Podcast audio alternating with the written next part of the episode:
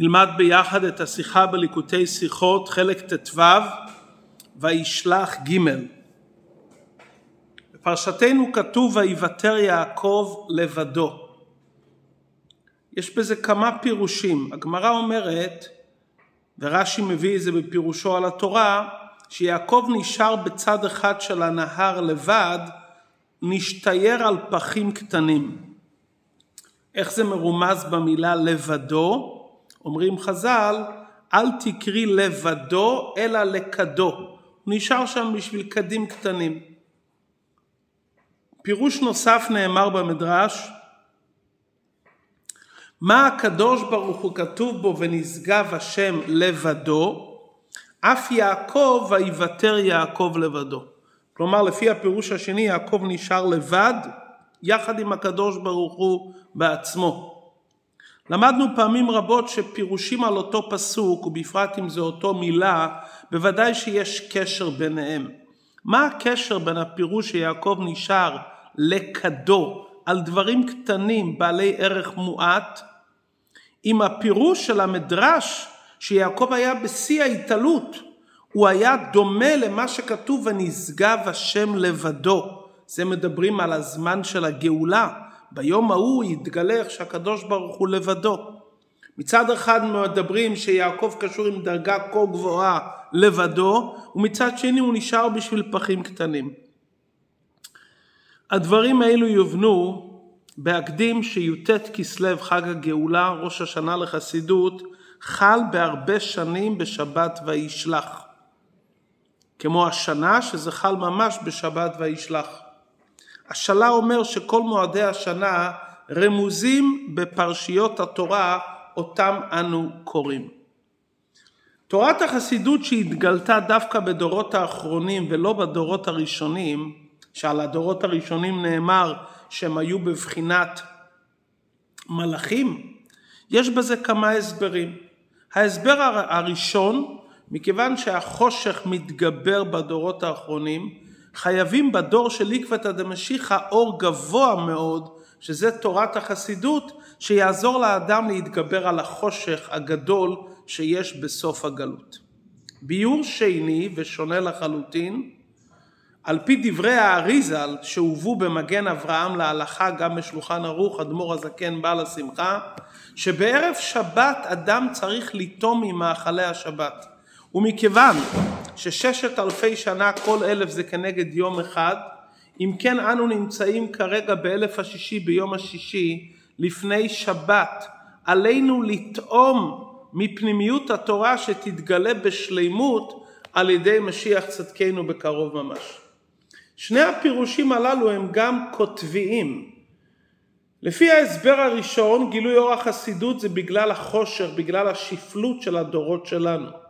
לעומת זאת לפי הפירוש הפנימי, התגלות תורת החסידות זה הכנה לקראת הגאולה מעין מה שיהיה לעתיד לבוא. על דרך מה שדיברנו לעיל, האם יעקב נשאר בגלל פחים קטנים, או שיעקב היה בדרגה של ונשגב השם לבדו, שזה זמן הגאולה. הדברים יובנו קשר הפירושים בהקדים האמרה הידועה שאמר המשיח לבעל שם טוב בהיכלו יפוצו מעיינותיך חוצה. כלומר המעיינות בעצמם של תורת החסידות צריכים להגיע אל החוצה. לא מספיק שהמעיין ישפיע על החוצה אבל הוא יישאר במקומו הוא. אלא צריך שהמעיין עצמו, כלומר תורת החסידות בעצמה, תגיע לחוץ. וכל פרט בחוץ יהיה חדור לחלוטין באותם מעיינות של פנימיות התורה.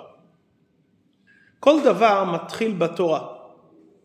מכיוון שהשליחות היא להביא את המעיינות ממש לכל מקום בעולם שנקרא חוצה, דבר ראשון מעיינות התורה של פנימיות התורה, כלומר תורת החסידות, צריכים להתגלות בתוך החלק הגלוי שבתורה ועד שהם יתאחדו ממש עם החלק הגלוי שבתורה. לפני אדמו"ר הזקן בעל השמחה היו גדולי ישראל שהיו גדולים בשני חלקי התורה, גם בחלק הגלוי שבתורה וגם בחלק הנסתר. אבל זה היה כשני חלקים נפרדים, לימוד גליה דה תורה ולימוד סטים דה תורה. אדמו"ר הזקן איחד את שני חלקי התורה לאחדים ממש. כלומר, הוא הפך אותם למציאות אחת. מכיוון שישראל קשורים בתורה, והתורה היא חיינו, וישראל ואורייתא כול אחד, כמו שבפנימיות התורה פעל אדמו"ר הזקן איחוד של הנסתר והחלק הגלוי שבתורה, כך גם בנשמות ישראל, על ידי גילוי תורת החסידות נוצר שהאדם מאחד את החלק הנסתר שבנשמתו עם החלק הגלוי שבנשמתו. לפני גילוי תורת החסידות בוודאי שהאמונה שהיא החלק הנסתר שבנשמה, שהיא הרי מעל השכל, זה החלק הנסתר, השפיעה על הכוחות הגלויים. אבל האמונה הייתה נסתרת ויותר גבוהה מהשכל ומהכוחות הגלויים. החידוש של גילוי תורת החסידות על ידי אדמו"ר הזקן הביא שהאמונה והקבלתו שזה החלק הנסתר והלבבי והפנימי של האדם שמעל השכל יקיף את האדם כולו שזה יתאחד גם עם החלק הגלוי שבו. כלומר, שהשכל עצמו יהפוך להיות כלי לדברים שלמעלה מן השכל. כלומר, האמונה הנשמתית והקבלתול תחדור גם בתוך השכל. וכשם שזה אצל כל יהודי כפרט, כך זה גם בנוגע לראשי אלפי ישראל. הרי כל עם ישראל זה קומה אחת שלמה. ישנם את אותם ראשי אלפי ישראל נשמות גבוהות של מעיין, שהם בבחינת נשמות של ראש ומוח, כפי שלמדנו בתניא. הם המעיין. לפני גילוי תורת החסידות, אותם גדולי ישראל היו מסתגרים בדלת אמותיהם, היה להם השפעה כמובן על כלל ישראל באמצעות התורה שהם למדו ולמדו מההנהגה שלהם, אבל הם בעצמם היו מובדלים לחלוטין מהחוצה. מרגע שהתחיל להיות ההתגלות של יפוץ ומעיינותיך החוצה, גדולי ישראל לא מסתגרים בדלת אמותיהם, הם עצמם יוצאים לחוצה, הם רואים בעוני עמם את אותם אלו שהם עניים בדעת, והם מדברים אל העני בשפה שהוא מבין. ומכיוון שהמעיינות צריכים להגיע אל כל פרט שנמצא בעולם, גדולי ישראל מתמסרים לעם ישראל גם לצרכים הגשמיים של עם ישראל. כלומר, כשם שהפנימיות של הנשמה והאמונה חודרת את השכל, כך אותם צדיקים שהם בבחינת המעיין, ראשי אלפי ישראל, נשמות הכלליות, שומעים, מקשיבים, באים, חודרים בתוך כל יהודי, מקשיבים אליו, מדברים בשפתו ודואגים לצרכיו הגשמיים. התורה היא נשמת העולם. כפי שחז"ל אומרים שהעולם נברא בשביל התורה שנקראת ראשית. כשם שי"ט כסלו גרם חידוש בתורה, ככה הוא גם גרם חידוש בעולם. הסברת הדברים. ידוע שהעולם מצד עצמו יכול להגיע רק לאור אלוקי מלובש בו, כלומר לכוחות הטבע. כשיהודי מתבונן בעולם, בדרכי הנהגת השם בעולם עצמו, הוא מגיע לידי הכרה שיש מנהיג לבירה. אבל הוא לא מגיע לידי הבנה שיש שם הוויה שהוא לגמרי מעל העולם. כלומר, הוא מכיר את ההנהגה האלוקית המוגבלת, שזה נקרא בלשון החסידות ההנהגה הטבעית, שם אלוקים, ממלא כל עלמין. למרות שמפעם לפעם יש גילוי שם הוויה בעולם. כידוע שהניסים שמתרחשים בעולם באים משם הוויה, לא כמו הטבע שמגיע משם אלוקים. אבל שהניסים קורים בעולם הם ההפך מהמציאות של העולם. כלומר, הם משדדים את הטבע, הם משנים את הטבע. זאת אומרת, הם לא נפגשים עם העולם כעולם, הם מזיזים את העולם אל הצד ומגלים את האור האלוקי. החידוש של תורת החסידות שהביאה לעולם גילוי אלוקות שיחדור בעולם. כלומר שבתוך העולם יהיה ניכר מהעולם עצמו את ההנהגה האלוקית שמעל העולם. שבתוך שם אלוקים יהיה ניכר שם הוויה. ולכן החסידות, תורת החסידות, מביאה המון הסברים על פי שכל אנושי ממשלים שלקוחים מענייני העולם בבחינת מבשרי יחזה אלוקה, משל גשמי, כדי להראות שאחדות השם שמעל העולם חודרת עם העולם בעצמו, ולכן מחפשים תמיד להראות דוגמאות ומשלים מתוך מציאות העולם בעצמו. זאת אומרת שהעולם יהיה כלי ושבעולם יחדור העניינים איך שהם למעלה מהעולם. ממשיך הרבה בסעיף ז' של השיחה.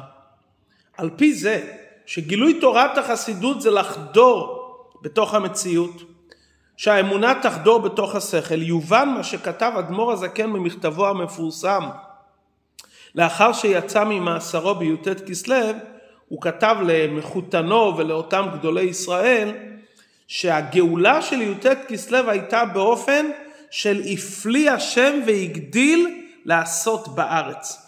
הוא חוזר על זה כמה פעמים במכתב. כלומר שהארץ, העולם, אומות העולם, הכירו את הנס הגדול שהיה בי"ט כסלו. מה זה כל כך חשוב לאדמו"ר הזה כן להדגיש את זה? כי בעצם זה החידוש של תורת החסידות לחדור בתוך מציאות העולם. כפי שהזכרנו בסדר הנהגת השם את העולם, ישנם באופן כללי שני אופנים. הנהגת הטבע, שאז החיות האלוקית לא נמצאת בהתגלות, זה נקרא הנהגה שבאה משם אלוקים. רואים את ההנהגה האלוקית הטבעית בעולם. אופן שני, של השגחה אלוקית פרטית גלויה, כך שניכר החיות האלוקית בתוך הטבע בעצמו, ובזה גופה יש שני אופנים, באופן של קטנות ובאופן של גדלות. כלומר ששם הוויה חודר בתוך העולם, יש איך שהשגחה פרטית ניכרת בתוך דרכי הטבע, ויש אופן של גדלות, השגחה פרטית שמתגלית בהנהגה האלוקית שמעל הטבע. אבל גם זה שההנהגה האלוקית חודרת בדרכי הטבע באופן מופלא, זה עדיין באותו סוג של גילוי אלוקות בתוך הטבע, אלא מה שזה גדול יותר, אבל לא באין ארוך מהנהגת הטבע. אם כן, יש לנו הנהגת הטבע, והנהגה ניסית שחודרת בטבע, או באופן קטן או באופן גדול, עוד מעט נראה על זה דוגמאות, אבל איך שלא יהיה, זה לא באין ארוך מהנהגת הטבע. ויש הנהגה אלוקית מופלאה, שאין לה שום שייכות להנהגת הטבע. דברים מופלאים לחלוטין. בואו ניתן על זה דוגמאות. הנהגה אלוקית טבעית, כולנו יודעים, מה שאנחנו רואים, הארץ מצמיחה, שמש זורחת, כלומר כל ההנהגה הטבעית, תמידים כסדרם, זה הנהגה שקשורה עם שם אלוקים. אמרנו יש ניסים המלובשים בטבע באופן של קטנות, וניסים המלובשים בטבע באופן של גדלות. יש ניסים המלובשים בטבע באופן של קטנות, לדוגמה נס פורים. נס פורים לקח עשר שנים, הקדוש ברוך הוא משך בתוך החוטים של דרכי הטבע, שקוראים את כל המגילה ורואים את רצף האירועים שהיו במשך עשור שנים, מבינים שהיה פה הנהגה משם הוויה, שהיה פה השגחה פרטית. אבל זו השגחה פרטית שבאה באופן של קטנות. כלומר, הקדוש ברוך הוא צמצם את עצמו למצב מאוד קטן, ירד והצטמצם באופן קטן ומצומצם להנהגה טבעית. דוגמה של הנהגה אלוקית באופן של גדלות, ניסים שחדרו בטבע באופן של גדלות, כיבוש יריחו על ידי יהושע. החומה נפלה באופן ניסי, אבל לאחר מכן כתוב ויעל העם ויחרימו לפי חרב. כלומר היה צריך להיות איזה אחיזה בטבע. דוגמה שנייה מלחמת מדיין. הקדוש ברוך הוא אמר יחלצו מאיתכם אנשים לצבא, יצאו 12 אלף חיילים ולא נפקד איש. זו מלחמה עם הנהגה טבעית אבל ולא נפקד איש.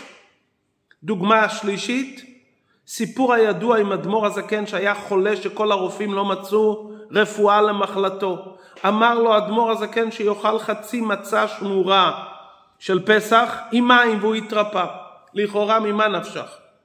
אם צריכים פעולה שתחזק את גופו של החולה, צריכים לקחת תרופה.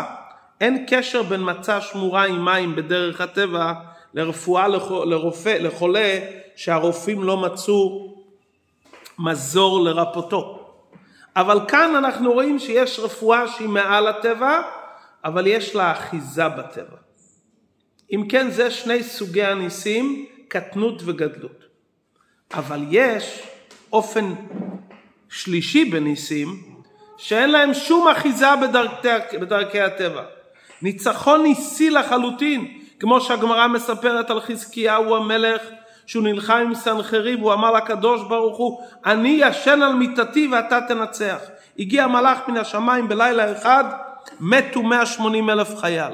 זה משהו שהוא למעלה מדרכי הטבע לגמרי, אין לזה אפילו אחיזה בדרכי הטבע כחומות יריחו או כמלחמת מדיין שבכל אופן היו צריכים לצאת למלחמה.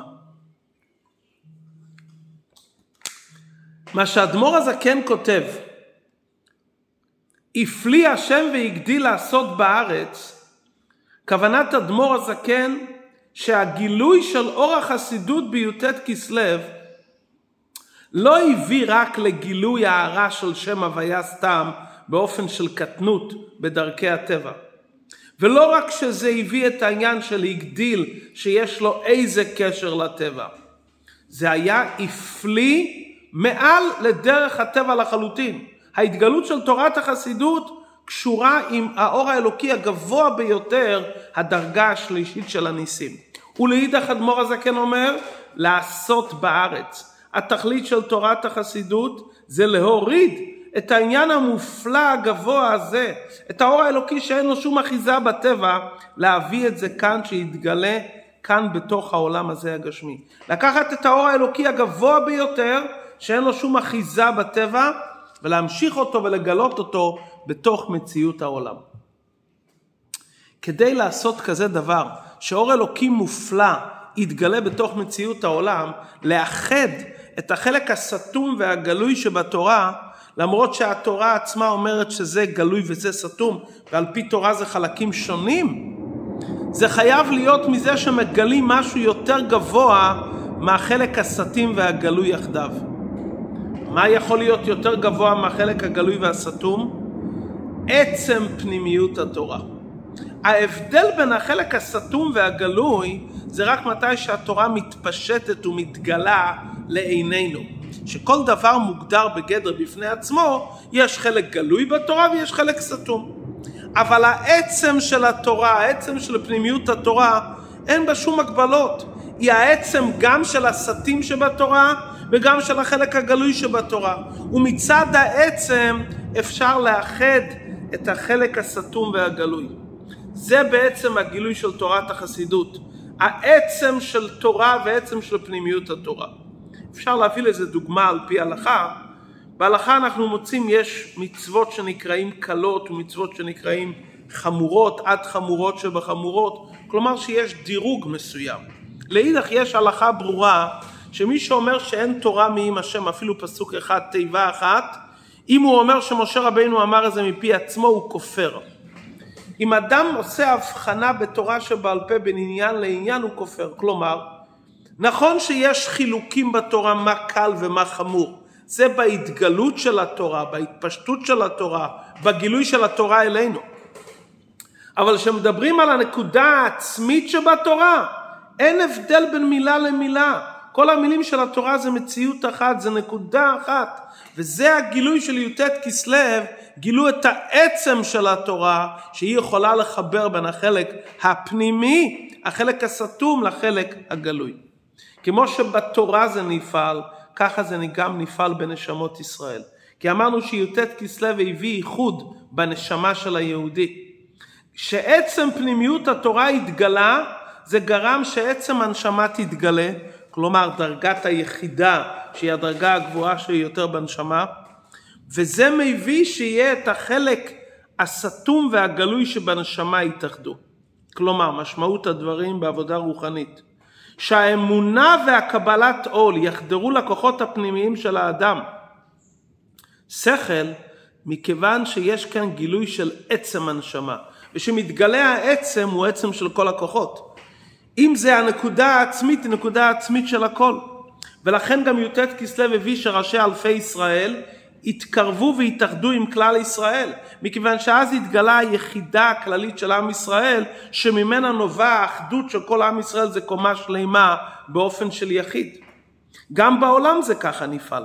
אם בעולם מתגלה סוג אור מסוים, יהיה האור הכי גדול והכי גבוה, כל גילוי יש לו הגבלה וציור. הוא לא יכול לאחד באופן גלוי את העולם עם האור האלוקי שמעל העולם. כי כל אור אלוקי מסדר העולמות, מסדר ההשתלשלות, יש לו גדר, יש לו ציור. הוא לא יכול להתגלות בעולם, כי העולם הרי זה מלשון ההיעלם, העולם נברא על ידי צמצום. אבל כשמתגלה הקדוש ברוך הוא בעצמו, עצמות השם, שהוא המציאות האמיתית של הכל, אז יכול להיות שיהיה מציאות גשמית ישות, ועם כל זה היא תתאחד לחלוטין עם הקדוש ברוך הוא בשיא ההתאחדות. כי ברגע שמתגלה העצם הוא העצם של כל הפרטים. זה הפירוש יפוצו מעיינותיך החוצה. יפוצו מעיינותיך החוצה הכוונה לומר התגלה העצם של המעיין. מאיפה יודעים שהתגלה העצם של המעיין? שהוא חודר גם בחוצה. אם הוא לא חודר בחוצה אז לא התגלה העצם של המעיין. כי אם זה העצם, העצם חודר בכל הפרטים. וכמו שהאדמו"ר הרייץ אמר בלשונו, שהחסידות צריכה להתגלות דווקא במקום שהוא לא מוכשר. כי אם זה מקום מוכשר, אז זה לא הגילוי של עצם פנימיות התורה. המעיינות יכולים וצריכים לחדור גם למקום שהוא לא מוכשר, ובמקום הזה מתגלה הנקודה הפנימית והעצמית. היות וזה העצם של האלוקות והעצם של המציאות עצמה, של כל הנבראים כולם, כי מאמיתה תימצאו נבראו כל הנבראים, אז היא חודרת אל החוצה וחודרת גם למקום שלא מוכשר. כלומר, אם החסידות יכולה להתגלות רק במקומות מסוימים, שהם עדיין לא חוצה מוחלט, סימן שזה לא גילוי העצם של התורה. כשמתגלה העצם של התורה, זה חודר בכל פרט ופרט. עכשיו אנחנו נבין את הקשר בין שני ההסברים לגילוי תורת החסידות בדורות האחרונים. שלכאורה ההסברים הם הפוכים. הסבר אחד אמרנו, בגלל החושך הגדול של הדורות האחרונים, חייבים להביא אור גדול. הסבר שני אמרנו, זה כבר טעימה ממה שיהיה לעתיד לבוא. האמת שני הפירושים קשורים זה בזה. כי ברגע שמגלים את עצם פנימיות התורה, שזה תורתו של משיח, מה המבחן שזה עצם פנימיות התורה? שזה יכול להאיר גם את החושך של דורות האחרונים, יכול להגיע לכל מקום ולהפוך אותם לאור. לכן מובן שהטעימה מתורתו של משיח, בערב שבת אחרי חצות, שזה התקופה שלנו, שמצד אחד חושך הגלות כפול ומכופל, אבל גם עכשיו ודווקא עכשיו מתבטא הכוח העצמי של תורתו של משיח, עצם פנימיות התורה, שיכולה להאיר את החושך הגדול ביותר ועד שהיא תהפוך אותו לאור, עד שהחושך עצמו יאיר בבחינת ולילה כיום יאיר. עכשיו מובן גם הקשר בין שני הפירושים על ויוותר יעקב לבדו. או שהוא נשאר על קדים קטנים, או שהוא היה בדרגה ש"ונשגב השם לבדו". היינו אח.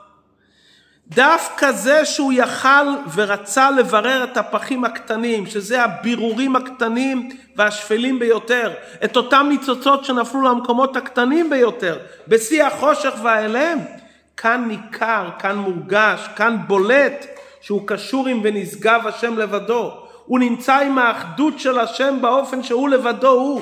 איך שהקדוש ברוך הוא מצד העצמות של השם. במקום הזה הישות לא סותרת את אחדות השם. כי מכיוון שהעצם של הקדוש ברוך הוא זה העצם של כל המציאות, אז היש האמיתי מתגלה גם ביש הנברא. אם כן, כמה שאדם מתחבר לנקודה יותר עצמית, ביכולתו, ביכולתו להגיע למקום הרחוק ביותר, לחדור במקום הרחוק ביותר, להאיר בו את האור ולהפוך אותו לאור. זה בעצם הגילוי של משיח. הוא יתגלה בכל העולם, כולם יקבלו אותו. הוא יחדור בכל המציאות. אלו שלא יקבלו אותו הם ייעלמו לכתחילה. אותם אלו שיהיו כולם יקבלו אותו מכיוון שזה העצם של האלוקות העצם של האלוקות שנשגב השם לבדו חודר בכל מקום. לכן החסידות של פנימיות התורה חודרת בכל מקום, זה גילוי של משיח. שהמעיינות מגיעים לחוצה, זה עניינם של המעיינות. זאת אומרת, יפוצו מעיינותיך החוצה, זה לא רק הוראה, אלא מה הסימן שאתה עסוק במעיין אם אתה מגיע לחוצה. אם אתה לא מגיע לחוצה, סימן שלא היית במעיין בעצמו. המעיין איכשהו מעיין שמרמז על. העצם והפנימיות שקשור עם שורשו ומקורו, הוא שייך לכל מקום, מגיע לכל מקום, כי הגילוי ש"ונשגב השם לבדו", שזה עצם פנימיות התורה, חודר בכל המציאות כולה ולא משאיר שום נקודה, אלא יש הנברא מתאחד עם היש האמיתי. זו שיחה נפלאה ביותר להבין את הגילוי של תורת החסידות ולהבין כמה אנחנו צריכים להתחבר לנקודות העצמיות שבתוכנו. אם לא מצליחים להגיע למישהו, סימן שבתוכנו לא הגענו לנקודה עצמית. כמה שאדם מגיע לנקודה עצמית יותר, הוא יכול לחדור יותר בחוצה ולפעול בחוצה ולהפוך את החוצה לפנים עד שלא יהיה הבדל בין החוצה לפנים כי מהמיטה תימצאו נמצאו כל הנמצאים.